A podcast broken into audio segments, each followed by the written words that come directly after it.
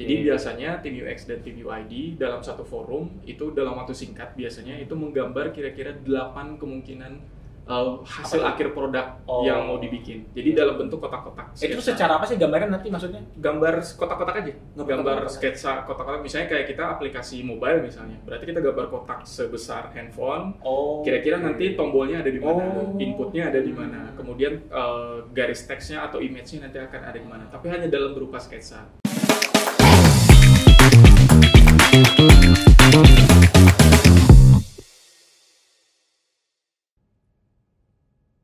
Sobat JDS, kembali lagi di Digitalks bareng gue Febri episode ke-6 musim tayang ketiga. Sebelumnya buka masker dulu ya. Oke. Ya, apa kabar Sobat JDS? Masih dalam nuansa Ramadan ini. Gimana puasanya? Lancar? Nah, Sobat JDS hmm, berbicara tentang pemerintah ya. Pemerintah itu kan kita eh, usernya atau masyarakatnya itu heterogen gitu. Dia tuh eh, memiliki masyarakat dari berbagai lini atau berbagai lapisan masyarakat gitu. Nah, apa kabar tentang JDS nih? Se- eh, sebuah unit yang mengerjakan produk-produk digital yang tujuannya buat pemerintah, sementara tadi usernya ya eh, sangat beragam gitu dari berbagai macam lapisan. Secara demografi juga itu mulai dari usianya, mulai dari eh, statusnya, pendidikannya segala macamnya itu juga sangat beragam. Nah, kira-kira gimana ya JDS bikin produknya, aplikasinya misalkan, atau bahkan website-websitenya itu bisa diterima sama masyarakat yang tadi berbagai lapisan itu. Nah, di sekarang di Digitalks telah hadir narasumber yang hmm, mereka tuh kerjanya bikin supaya tadi aplikasi atau websitenya bisa diterima sama banyak masyarakat. Di sebelah saya ada Teaci. Halo, Halo, Teaci. halo semuanya. Iya, Teaci ini sebagai UX researcher dan di sebelahnya Teaci ada Mas Fian, Mas Fian sebagai uh, UI designer ya, Ya, Ah, bahkan ya. leadnya ya, Lead lead UI UI designer. designer. Apa kabar Mas A Eh Mas Aci lagi. Apa kabar Mas Fian dan Mbak Aci gitu? Iya, iya, iya. Iya, gimana? Baik. Alhamdulillah. Puasanya puasanya gimana? Alhamdulillah lancar. Alhamdulillah lancar. Alhamdulillah lancar. Oke, nah kalau sekarang lagi pada sibuk sama fokus project apa nih di YDS? Eh, kalau aku kebetulan sekarang lagi fokusnya dedicated di ekosistem data Jabar. Kalau misalkan teman-teman update juga kemarin baru aja launching kan. Jadi ada eh, satu data, open data sama satu peta Jabar. Terus juga sekarang lagi support di desain sistem Oh, Jabar. itu aplikasi kan ya? Iya. Atau oh, website? ka- kalau open data satu data satu peta itu website sih. Oke. Tapi dalam bentuk kemungkinan bisa buka juga di HP, bisa di laptop Oh, juga. oke gitu. oke oke. Kalau Mas Fian gimana? Eh, untuk saat ini ada beberapa project sebenarnya. Salah satunya itu ada portal Jabar. Itu website untuk integrasi keseluruhan layanan pemerintahan Jawa Barat ke depannya. Jadi yang tadinya layanan terpisah-terpisah itu semua akan dikumpulkan dalam satu pintu di website portal Jabar itu. Kemudian yang kedua ada project Picobar Logistik kemarin. Jadi karena kita masih dalam masa pandemi, eh, Picobar Logistik ini sebenarnya website untuk menangani eh, masalah perlogistikan eh, alat kesehatan maupun non kesehatan. Oke, kalau Picobar itu aplikasi berarti ya? Picobar aplikasi, tapi ada webnya juga untuk yang Picobar logistik untuk khusus menangani uh, manajemen logistiknya itu tadi. Oke. Nah, yang terakhir itu ada desain sistem sebenarnya. Uh, desain sistem ini sebenarnya project internalnya JDS. Tujuannya itu untuk menstandarisasi bentuk dari produk yang kita keluarin. Jadi selama ini kan karena saking banyaknya produk yang kita bikin, masing-masing tuh punya tema dan karakteristik sendiri. Nah, ke depannya dengan adanya desain sistem ini, kita bisa bikin produk yang punya karakteristik JDS gitu. Jadi eh, ketika masyarakat membuka, dia langsung sadar bahwa oh ini ternyata produknya JDS gitu. Kayak mungkin juga jabar banget ya nanti ya Iya. secara ini ya. Eh, desain mungkin tampilannya. Hmm. Nah, karena juga di sini juga Mas Fian tadi ya dan Mbak Aci ini juga seorang Mas Fian tadi UI designer dan Mbak Aci ini UX researcher gitu. Kita akan bahas tadi ya tentang gimana sebuah aplikasi ataupun eh, website itu bisa diterima sama masyarakat dari berbagai lapisan gitu. Karena pemerintah juga kan buat masyarakatnya berbagai lapisan, nggak cuma spesifik sama masyarakat tertentu gitu ya. Nah, tapi kemarin-kemarin ini lagi rame nih di Twitter tentang ada eh, apa ya? Ada tampilan dari sebuah aplikasi belanja online gitu kita sebut saja mereknya yaitu Shopee dan Tokopedia yang dianalogikan sebagai ada yang pasar tradisional dan mall gitu. Shopee sebagai eh, apa pasar tradisional gitu atau pasar kaget gitu ya. Sementara Tokopedia diibaratkan seperti mall secara tampilan tentunya itu ya berdasarkan UI dan UX-nya mungkin. Nah kira-kira nih oleh para ahli-ahli di JDS ini UX dan UI-nya ini tanggapannya gimana tentang tampilan tadi Tokopedia dan Shopee ini dari Mas Fian dulu mungkin? Oke. Eh, jujur sebenarnya saya setuju dengan netizen. Oke. Dan saya juga udah menginstal kedua aplikasi tersebut. Hmm. Istri saya juga menggunakan kedua aplikasi tersebut. Eh, secara tidak langsung saya setuju dengan mereka. Alasannya sebenarnya lebih ke pendapat pribadi sih. Eh, saya secara UI designer melihat bahwa sebenarnya elemen visual yang ada di Shopee itu terkesan terlalu rapat sehingga ketika pertama kali membuka aplikasinya ada terlalu banyak informasi yang harus dicerna gitu. Sedangkan Tokopedia di lain sisi eh, secara visualnya kelihatannya lebih tertata di mana mereka mampu memanfaatkan white space-nya, kemudian penggunaan elemen visualnya itu lebih eye catching dan lebih rapi gitu. Lebih ke situ sih sebenarnya. Tapi eh, jujur sebenarnya dari updatean-updatean terakhir dari Tokopedia-nya sendiri, kalau saya sih melihatnya dari sisi UI sekali lagi, kayaknya justru malah Tokopedia sekarang lebih ke Shopee wannabe nih. Oh, ngikutin Shopee ya? Iya. Karena beberapa elemen visualnya tuh kalau kita perhatikan dengan teliti sebenarnya beberapa elemen visualnya itu diposisikan persis sama dengan yang ada di Shopee-nya. Meskipun tadi Tokopedia tetap masih eh, memainkan dari elemen ikonnya, visual-visual dibuat lebih playful dan lain sebagainya gitu. Tapi kalau secara kasat mata atau dari sudut pandang desainer, sebenarnya penempatan elemen visualnya itu udah kayak mirip-mirip banget gitu. Nah itu saya nggak tahu apakah itu emang intensional dibikin kayak gitu, Iya, iya. sengaja biar uh, experience-nya juga jadi terbiasa atau gimana. Tapi pendapat pribadi seperti itu. Saya setuju dengan netizen-netizen yang bilang Shopee itu pasar Iya, tradisionalnya, Tokopedia itu versi mall. Mungkin dia juga yang bilang pasar tradisional dan uh, mall itu juga karena tadi ada apa blank space, white space itu ya? Ya, ah, ah, benar. Hmm. Ada jadi kalau kayak sebenarnya kita lihat real di pasar ya. Kalau Hmm. pemisah antara lapak dengan lapak itu kayak nggak ada gitu, bener-bener crowded ya. Oh, itu Kayak makanya gitu. orang bilang kayak gitu iya, ya? bener kayak gitu. Ah. Jadi semua informasi ketika masuk ke pasar tradisional, wah Ada semua ada semua gitu. Di awal itu kita udah bingung. Kalau di mall kan beda ya. Iya. Masuk Oh, ada iya. informationnya, kemudian kita mau ke lapak ah, sorry ke toko yang mana, lantai berapa itu udah Oh, ditata oke. dengan rapi gitu. Secara experience-nya juga terutama ya. Jadi kalau saya pribadi seperti itu pendapatnya. Iya, oke. Dan dari Mbak Aci gimana nih? Oh iya kurang lebih sama juga sih dari Mas Fian. Cuma kan ini balik lagi lebih ke pendapat pribadi ya. Hmm. Takutnya gak ada yang salah ataupun gak ada yang benar. Iya, gitu. Karena iya. kan ini opini pribadi. Pandangan kita ya? Heeh, jadi Gimana tuh? eh, sedikit menambahkan karena tadi pun aku berarti setuju berarti ya. Ke- eh, saya nggak langsung aku setuju dengan pendapat netizen juga karena aku sebenarnya memang pengguna keduanya. Cuman kalau dari sisi intensitas aku tim oren. aku lebih sering pilih tim oren karena banyak cashback. Oh, gitu. Tapi itu di luar di luar dari sisi tampilannya. Eh, Shopee itu kalau menurut aku asal rame banget dan Uh-huh. pertama kali ngeliat tuh kayak crowded banget gitu. Kayak, kayak pas waktu kita pertama kali nggak ngebuka Shopee itu scrolling atas bawah itu rame banget dan space antar kontennya tuh tipis banget gitu. Beda kalau kita baca baca lagi Lihat. buka di Tokped. Tokped Oke. itu permainan kalau tadi Mas Fian bilang tuh blank space-nya lebih oke gitu ya kalau dibandingin dengan Shopee karena eh, mereka kalau aku lihat pas kita pertama kali buka itu tuh kita nggak terlalu overwhelmed sama konten yang ada gitu. Tapi kalau misalkan kita eh, punya aplikasi Tokped yang terbaru, kalau aku lihat emang dari blank space-nya masih oke, tapi dari sisi penempatan fiturnya menurut aku ad- berbeda dengan yang kemarin-kemarin sih. Malah menurut aku kemarin yang versi kemarin itu lebih enak lebih mudah gitu. Kalau yang sekarang tuh kayak ada beberapa penyesuaian yang mungkin entah akunya yang belum terlalu familiar atau gimana. Cuma menurut aku uh, versi yang terbarunya Tokped ini dari sisi penempatan menunya menurut aku kurang familiar. Tapi dari sisi permainan uh, blank space-nya cukup oke untuk cukup oke dan cukup mudah untuk dibaca sih. Oke, kira-kira tapi kalau misalkan tadi kaitannya sama blank space ataupun space itu tadi ke misalkan ke UX sendiri itu ada ini sih ada pengaruh nggak sih atau ada kaitannya nggak sih?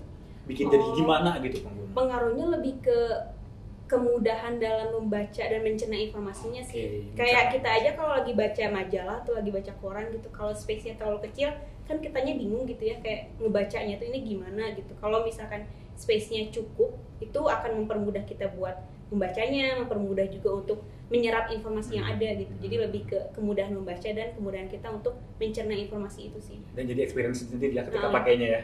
Oke, nah tapi juga mungkin di sini ada yang masih belum paham sebenarnya bedanya dari UI UX atau bahkan definisi tersendiri tentang UI design itu apa, UX design itu apa, atau UX research itu apa.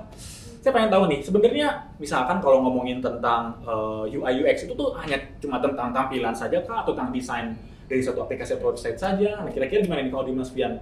Uh, apa sih UI designer gitu? Atau UI itu apa sih?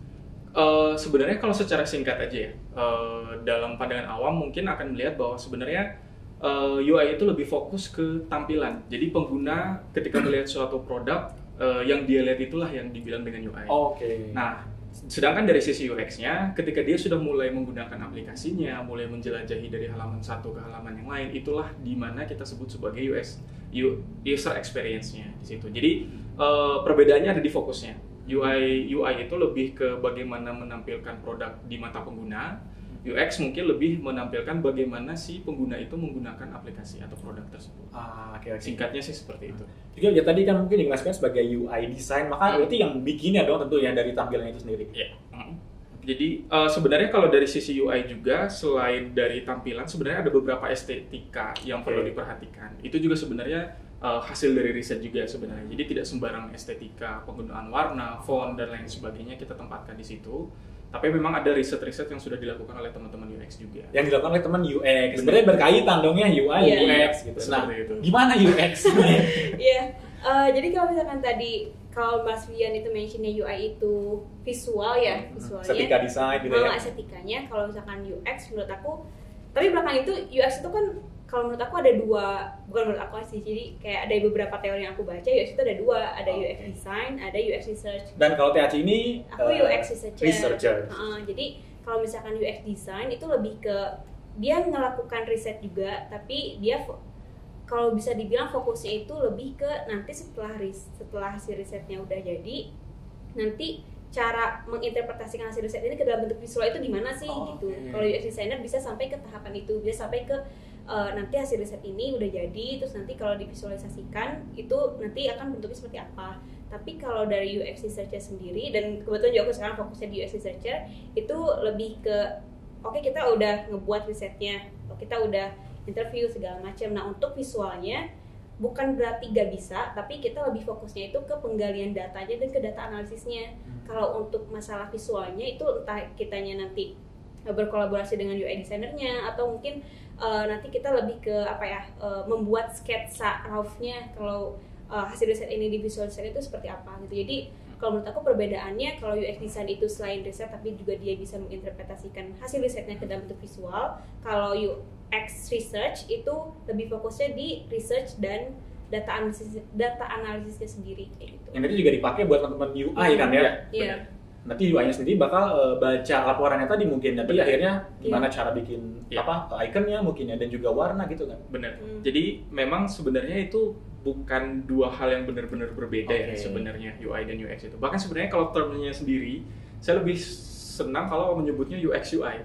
Karena prosesnya sebenarnya UX lebih dulu. Iya, bukan ya UX ya. Maksudnya Iya. kan iya UX. UI UX kan. Jadi uh, mungkin orang akan mempercayai oh kita bikin desainnya dulu nih baru kita riset. Tapi sebenarnya kalau saya pribadi secara secara uh, keilmuannya lebih merasa bahwa seharusnya UX dulu yang dilakukan. Kemudian dari data-data yang udah dikumpulkan uh, kita kemudian baru mendesain visualnya. Kenapa? Seperti yang uh, Mbak Aci juga sudah jelaskan, sebenarnya visual yang kita bikin itu ada tujuannya supaya itu tuh uh, sampai ke penggunanya tepat tidak tidak salah sasaran. Iya. baik itu secara visual maupun experience-nya. Sehingga Mbak Aci dan teman-teman di UX-nya itu akan mengumpulkan banyak sekali user banyak sekali data. Semuanya itu akan dikumpulkan hasil dari risetnya mereka yang akan kita pakai. Untuk menentukan nih jalan visualnya harus seperti apa. Betul. strategi atau karakteristik visual dari aplikasi atau produknya itu harus seperti apa Dan usernya itu adalah kalau di JDS masyarakat Jawa Barat ya. Iya. Iya, iya. Yang berapa banyak tuh?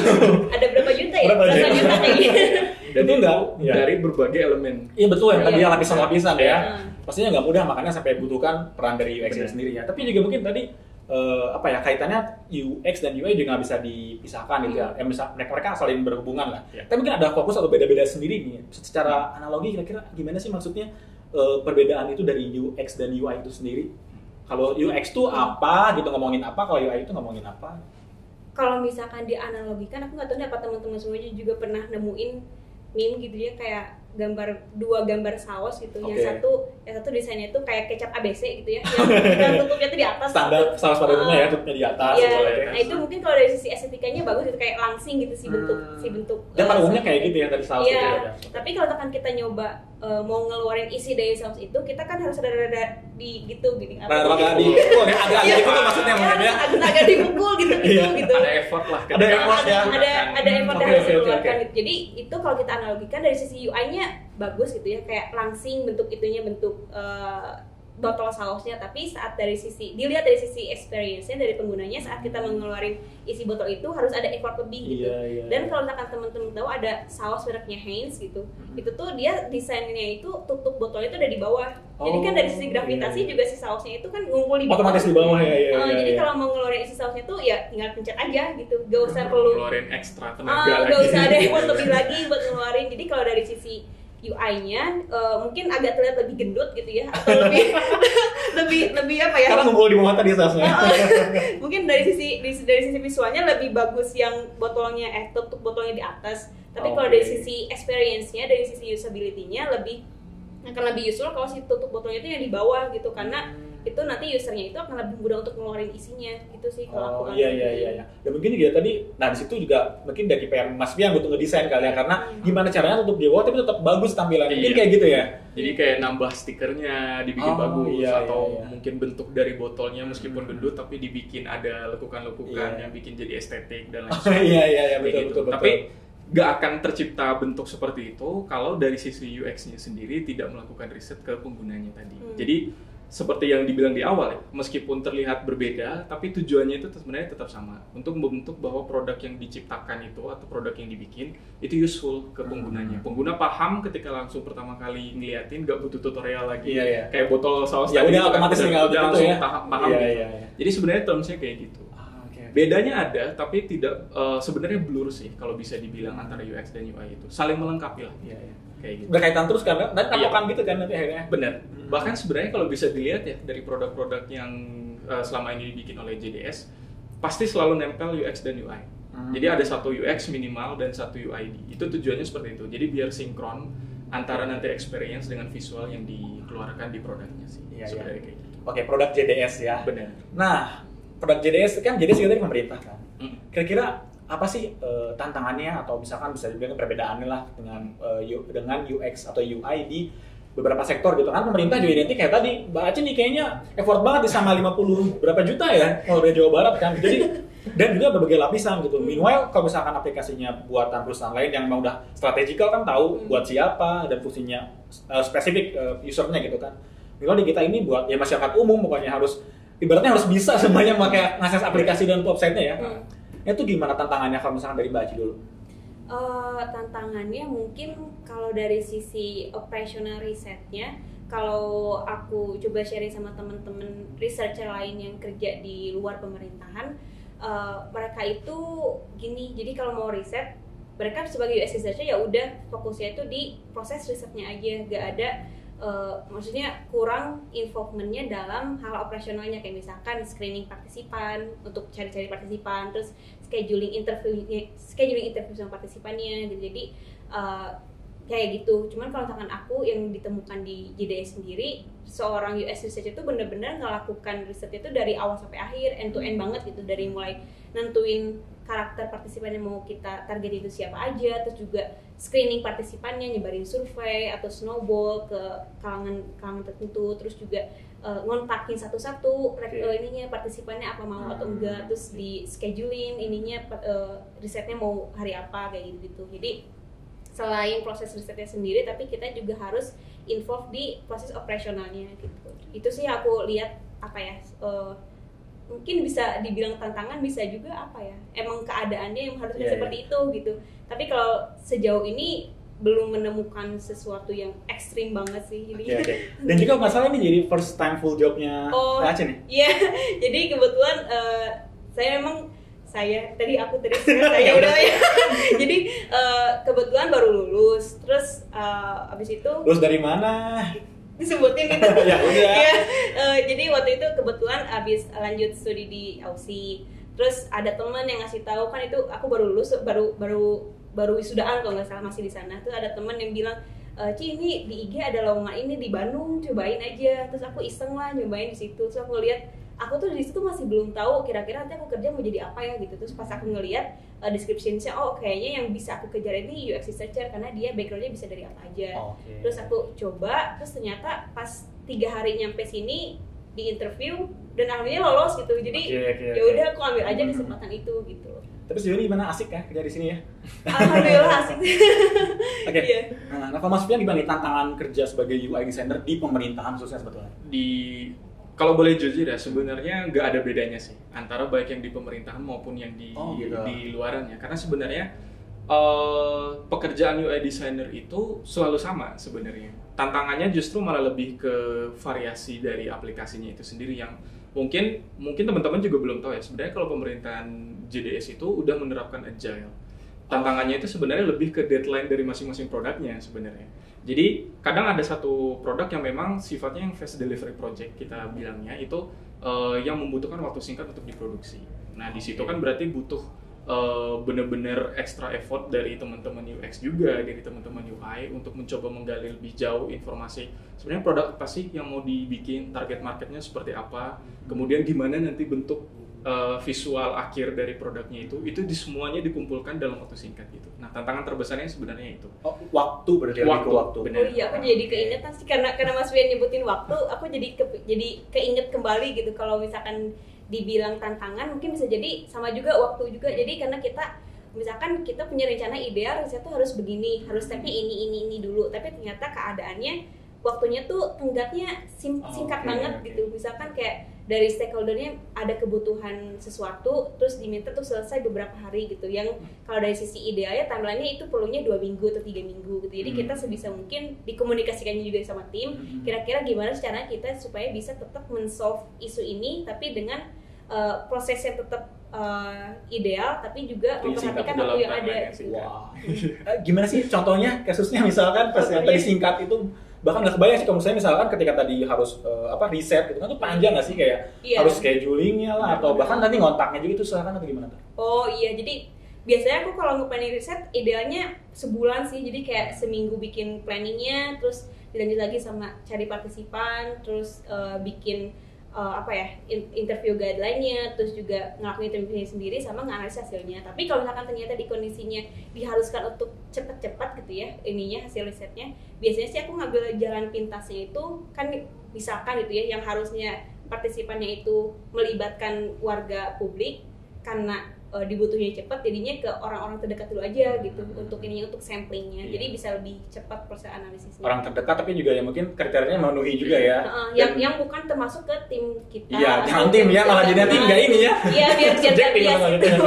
Eh, jadi alternatifnya gitu sih supaya bisa kita ya tetap bisa riset kita ya tetap bisa dapat insights insight dari uh, orang-orang di luar tim kita Hmm. dan kita ya tetap bisa jalan gitu ininya proses risetnya gitu. Intinya sebenarnya dalam waktu yang singkat gimana caranya kita tetap memberikan hasil produk yang proper gitu ke masyarakat kayak gitu. Jadi sebenarnya tantangannya eh, bisa dibilang terbesar di situ dari sisi timeline deadline-nya juga. timeline ya. Nah, nah, kayaknya tapi sebenarnya sih kalau secara pribadi itu tantangan semua orang sih sebenarnya. Gimana caranya deal sama beradaptasi timeline sebenarnya? benar. Cara kita beradaptasi dengan tantangan itu sih sebenarnya yang menantang ke dari sisi UI-nya juga. Karena eh, kalau tadi dari sisi UX ya, misalnya kayak butuh waktu lama untuk bisa melakukan riset, eh, kemudian nyari target usernya, belum lagi kayak Iya, gitu. iya. Nah dari sisi visual pun sebenarnya juga sama. Karena eh, kalau dari desainer, desainer kan bisa dibilang artis juga ya, maksudnya eh, orang yang memvisualkan membuat Iya, iya. karya seni gitu.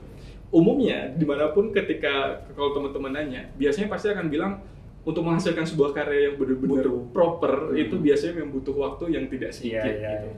Nah, jadi di situlah kita eh, kadang eh, bernegosiasi juga, dibutuhkan juga dengan stakeholdernya kayak gimana, sehingga sebenarnya kita tidak menurunkan kualitas dari aplikasinya, Iya. eh, kita tetap deliver sesuai dengan apa yang dibutuhkan. Tentunya juga eh, harapannya eh, ke masyarakatnya nanti ketika menggunakan produknya itu juga benar-benar tepat sasaran. Oke, nah sekarang juga mungkin lebih spesifik tentang salah satu produk yang udah kembali kerja kerjain di JDS ya. Eh, apa salah satunya tuh misalkan ada Picobar atau bahkan tadi ekosistem data Jabar gitu ya. Itu juga Mas Pian tadi eh, ada apa portal Jabar dan Iya, portal. Jabar. Nah itu sebetulnya proses kreatifnya itu gimana sih supaya nanti dari timnya apa ekosistem Jabar juga bisa nyampe ke yang mau cari data gitu kan tentang data Jabar kan ataupun Mas Pian seba- sebaliknya gitu atau bagaimana itu tuh gimana rangkaian prosesnya proses kreatifnya menuju sampai ke websitenya itu akhirnya tujuannya adalah capaiannya pengen bisa dipakai sama banyak orang gitu. Oke, dari aku dulu nih. Iya dari kan UX UI kan ya harusnya kan. Iya.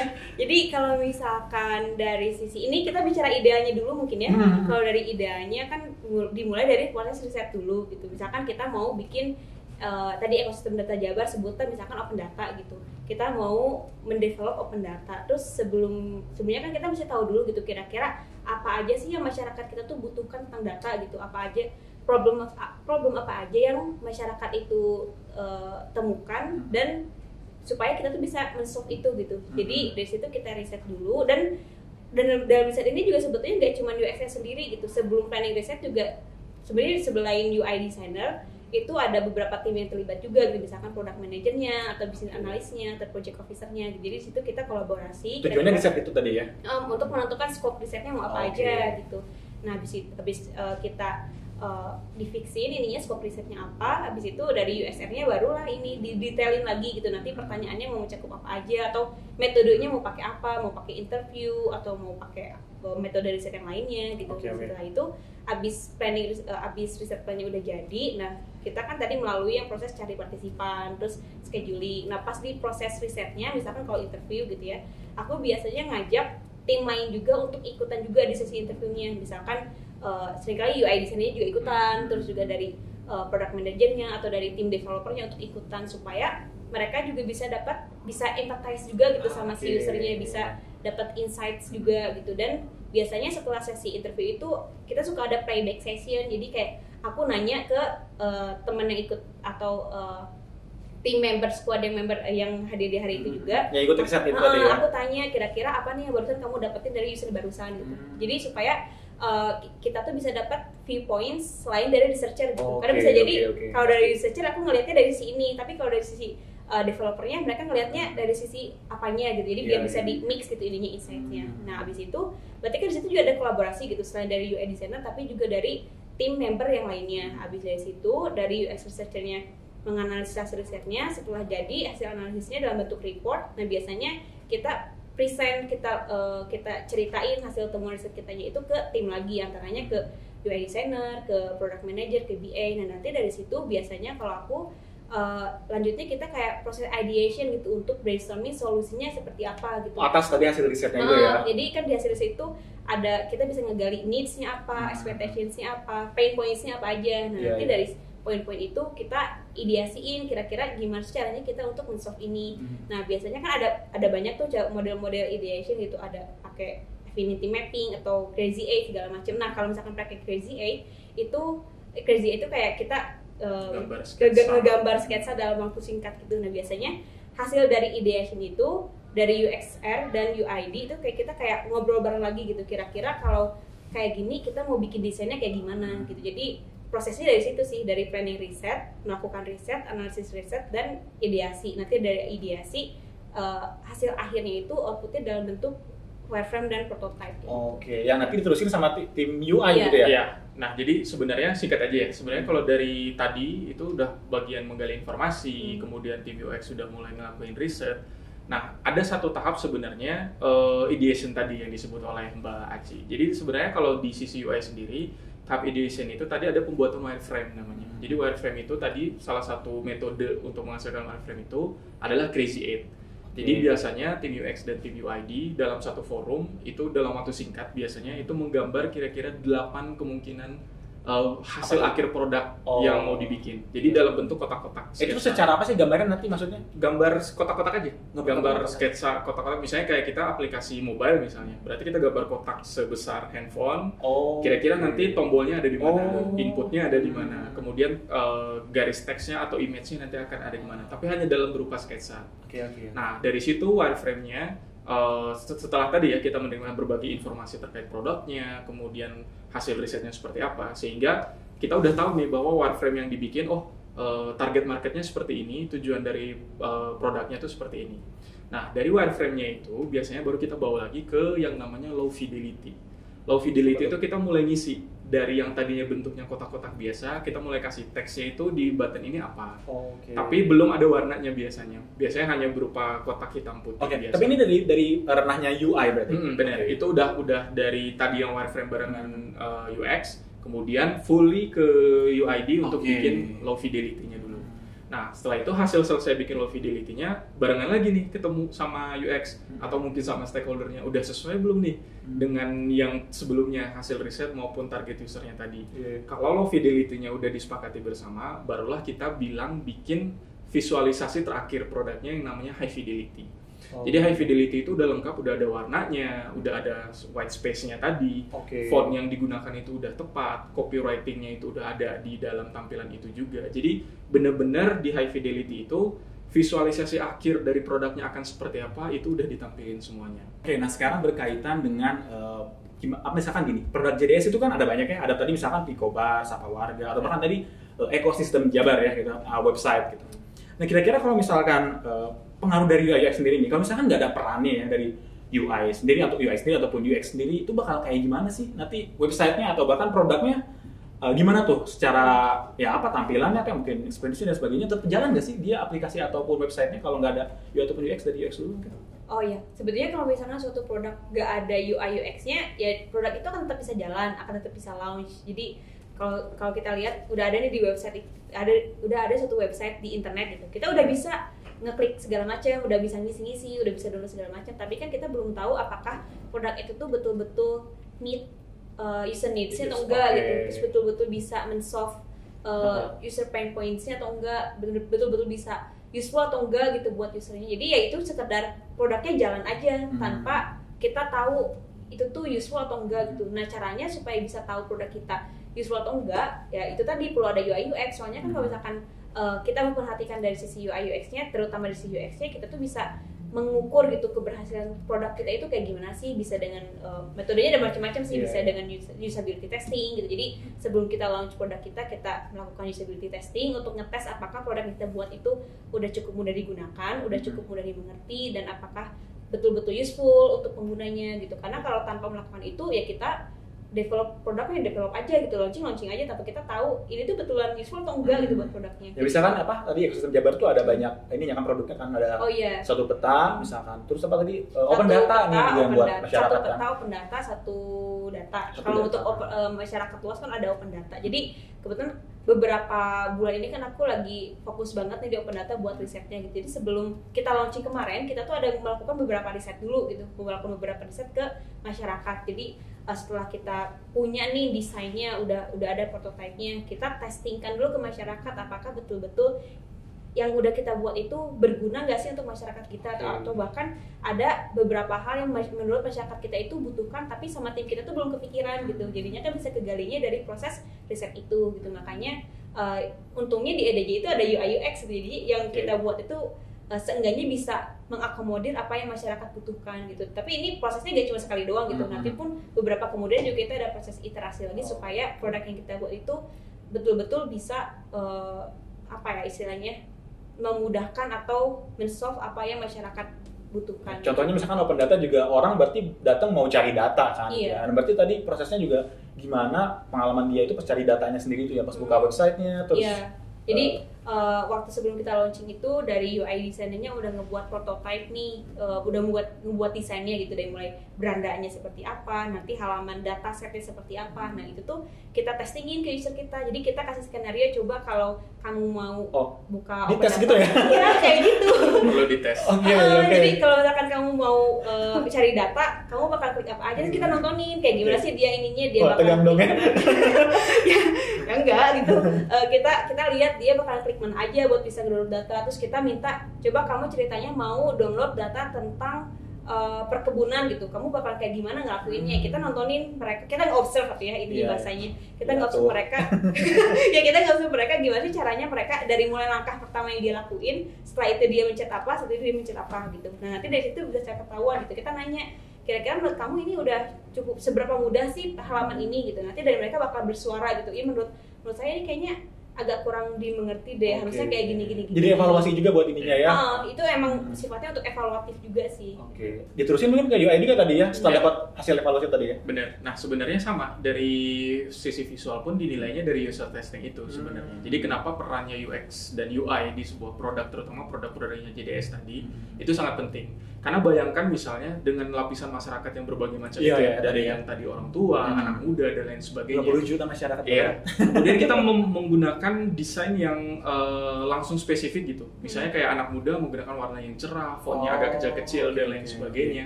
Itu ternyata pas dibuka sama RT RW misalnya, pasti akan protes dong, kok hurufnya kecil, Kecil-kecil, banget?" iya, Iya. iya. Atau warnanya kok nggak nggak terlalu terang nih, saya nggak jadi nggak bisa ngeliatin kayak gitu.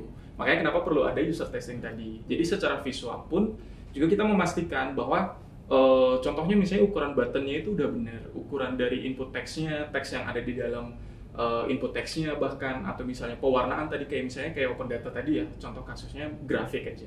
Grafik itu kan menampilkan berbagai data ya, demografi data dengan tampilan warna yang berbeda-beda. Iya, iya. Itu secara visual pun kita perhitungkan Iya. seberapa rapat angka yang satu dengan yang Wah, lain seperti itu ya. ya. Jadi semua itu didapat dari hasil user testing tadi, dari hasil proses UX dan UI yang dilakukan uh, setiap uh, publikasi produknya. Jadi seperti yang tadi Mbak Aci bilang, mungkin di versi pertama uh, pasti selalu ada bugs dan kayak gitu. Tapi kita belajar dari situ.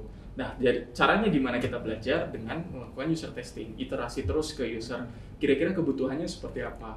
Apa sih yang masih kurang dari produk yang sekarang? Baru di situ kita lihat apakah memang ada pengaruhnya dari sisi visual, dari sisi UI, atau pengaruhnya dari sisi user experience. Oke. Dari situ kita belajar terus. Mhm. Nah, ujung-ujungnya sebenarnya kenapa Eh, kita pengen mendapatkan statement bahwa produk yang kita keluarkan itu user centric Asik. sebenarnya.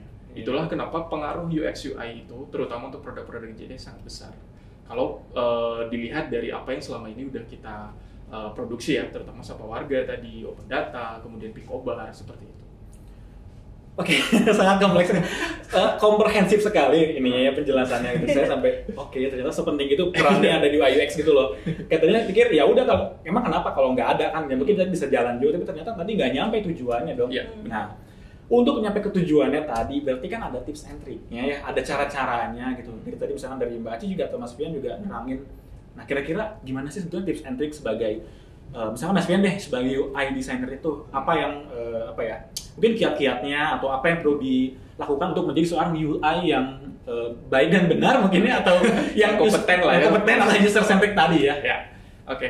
Eh, sebenarnya kembali lagi ya, kalau saya pribadi eh, akan memberitahu kepada teman-teman yang mencoba terjun ke dunia UI designer, cintailah dulu UI itu sendiri. Karena kalian nggak akan pernah belajar sesuatu kalau kalian tidak menyukai hal itu tersebut gitu. Jadi misalnya eh, saya nggak mungkin nih mau belajar kalau dari awal saya memang nggak suka dengan hal itu gitu. Jadi cintailah dulu dunia UI, setelah itu banyak-banyak bangun portofolio, belajar dari berbagai sumber, kemudian eh, learning by doing itu penting, terutama kalau dari sisi UI eh, untuk bisa menerjemahkan bahwa warna ini bagus, penggunaan tipografinya ini udah tepat dan lain sebagainya, itu nggak bisa teori, itu emang harus dicoba, dicoba, dijalankan, pilih beberapa klien, nggak perlu harus klien sih sebenarnya, ke teman-teman sendiri minta eh, feedback dari Feedback, mereka iya. seperti itu. Jadi yang pengen saya tekankan juga sebenarnya meskipun namanya adalah UI designer, nggak berarti bahwa yang kita pelajari itu hanya mendesain aja.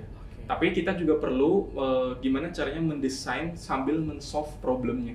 Jadi misalnya kita ada problem aplikasi apa, secara visual eh, sudah tepat belum? Kita membuat visualnya itu bisa memecahkan problem yang ada atau enggak kayak gitu.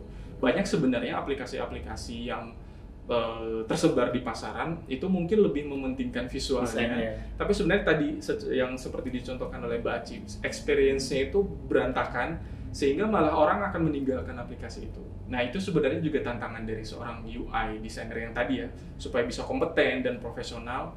Itu tidak hanya dari sisi visual yang dia pelajari, tapi gimana cara dia men-solve eh, masalah dari produk yang eh, yang ingin dia buat atau ingin dia perbaiki. Kayak gitu sih. Oke, nah kalau dari UX researcher nih dari Jabarta Service, gimana? Uh, Kiat-kiatnya. kiat-kiatnya ya. Kalau misalkan menurut aku ini sih kayak lebih apa ya? Kalau misalkan kita mau terjun ke dunia UI UX dan khususnya UXR, mungkin berbanyak apa ya? eh, kitanya mau dulu gitu niatin dulu untuk mau berfamiliar apa ya? Memfali, memfamiliarisasikan Memfamiliarisasikan. Oh, mem- memfamiliarisasikan diri dengan UX duniawi gitu. Jadi Oke, apa maksudnya tuh? tuh apa dunia Dunia pro UX Dunia. ya. seluruh all things about UX gitu. Jadi kita tuh harus berusaha familiar dengan itu. Misalkan uh, dengan ikutan online course. Kan sekarang banyak banget tuh online course di, uh, tentang UI UX gitu. Mau itu di uh, LinkedIn Learning pokoknya di di segala macam uh, tempat belajar lah gitu. Terus uh, ikutan webinar-webinar apalagi sekarang masa pandemi kemarin kayaknya banyak, banyak banget sih ya webinarnya. Kayak uh, webinar-webinar ya apalagi gratis gitu. Berarti kan kita bisa belajar dan menyerap ilmunya secara gratis gitu ya. Jadi berbanyak ikutan online course terus uh, ikutan webinar juga. Terus kalau misalkan aktif di medsos entah itu Instagram atau LinkedIn mungkinnya yang lebih profesional cobalah ini kayak connect sama UI UI designer atau UX researcher gitu. Misalkan aku waktu itu kayak iseng uh, ngefollow ngefollow followin USR dari Google gitu oh. dari YouTube itu aku follow follow sebagai inspirasi ya. Iya, ya. soalnya mereka tuh suka bikin postingan-postingan yang emang berkaitan sama UX gitu. Jadinya kan secara langsung kita tuh lagi main sosmed gitu, tapi isinya timeline itu berfaedah. Faedah ya, jadi ada manfaatnya iya. ternyata scrollingnya. Oh, jadi pas scroll itu berfaedah kita bisa oh ternyata ada ilmu baru nih kayak gitu gitu. Jadi kita bisa main sosmed sambil belajar istilahnya gitu. Hmm. Itu sih paling. Oke, nah bagi teman-teman atau sobat JDS yang punya kriteria seperti tadi, oh. bisa gabung nih karena kebetulan JDS lagi cari uh, eh, UX researcher oh, ya. Iya, gitu. jadi kebetulan di bulan April ini kita lagi uh, open recruitment gitu dan salah satunya posisi UXR. Jadi buat teman-teman yang emang uh, interested gitu buat join di Jabar Retail Service ya coba dicek aja ya ini ya website JDSJ dan apply di situ. dan akan jadi partnernya Mbak ya. Iya. Mas Pian juga tuh nanti. Oke, okay, ternyata nggak kerasa nih waktu kita sudah uh, sangat panjang kita ngobrol-ngobrol tadi ya. Asik banget ternyata ya ngomongin UX. kan kaitannya dengan ini si user ya. Karena dia tujuannya buat user tadi pemerintah tuh ya usernya tuh adalah masyarakatnya gitu. Kita juga sebagai yang bikin aplikasi usernya bisa jawab ke sendiri ya. Dan penting itu ternyata ya. Uh, peran dari UX, eh, UI, UX, UX, UI, UX, UI ternyata sekarang ya, mohon diingat. nah terima kasih Mbak Aci, Mas Dian atas waktunya udah mau datang ke Digitalks. Siap. Nah, sobat JDS juga makasih udah dengerin Digitalk. Jangan lupa follow sosial media JDS. Sampai jumpa di episode berikutnya atau selanjutnya. Dadah. Sampai jumpa. Terima kasih. Yeah, terima kasih. Makasih sobat JDS.